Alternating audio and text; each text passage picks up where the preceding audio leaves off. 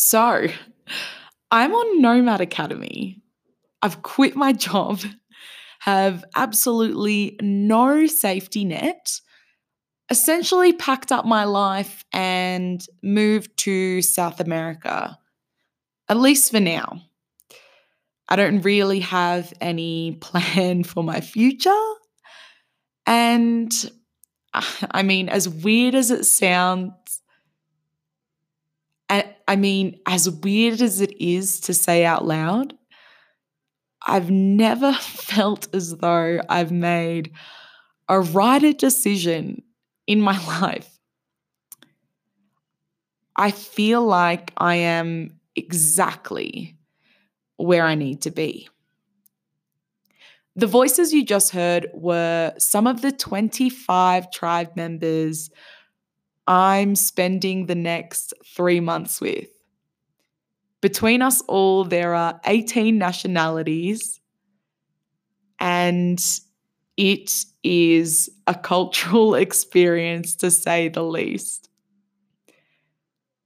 Little did I know that when I first met these guys, they would go from strangers to pretty much family by the end of week one.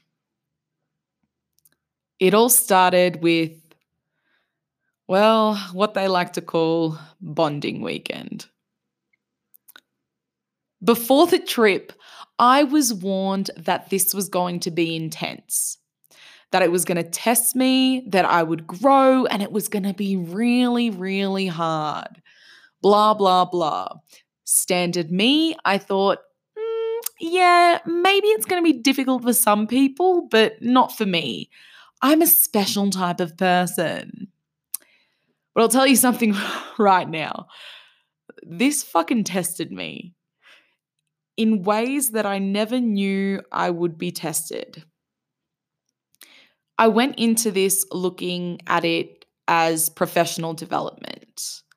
I wanted a place where I felt like I could be motivated every day to figure out what I wanted to do with my career, what business I wanted to build, what I wanted to do with my skills. And really, I just needed an excuse to quit my job. Because I know that if I didn't do this, I would have been stuck there for at least another five years. However, after bonding weekend, it became quite apparent to me that this was not only going to be professional development, it was going to be a whole fucking lot of personal development. And I was going to be dealing with a whole lot of shit that I'd never dealt with before, learning about myself in very new ways and really testing and understanding my boundaries.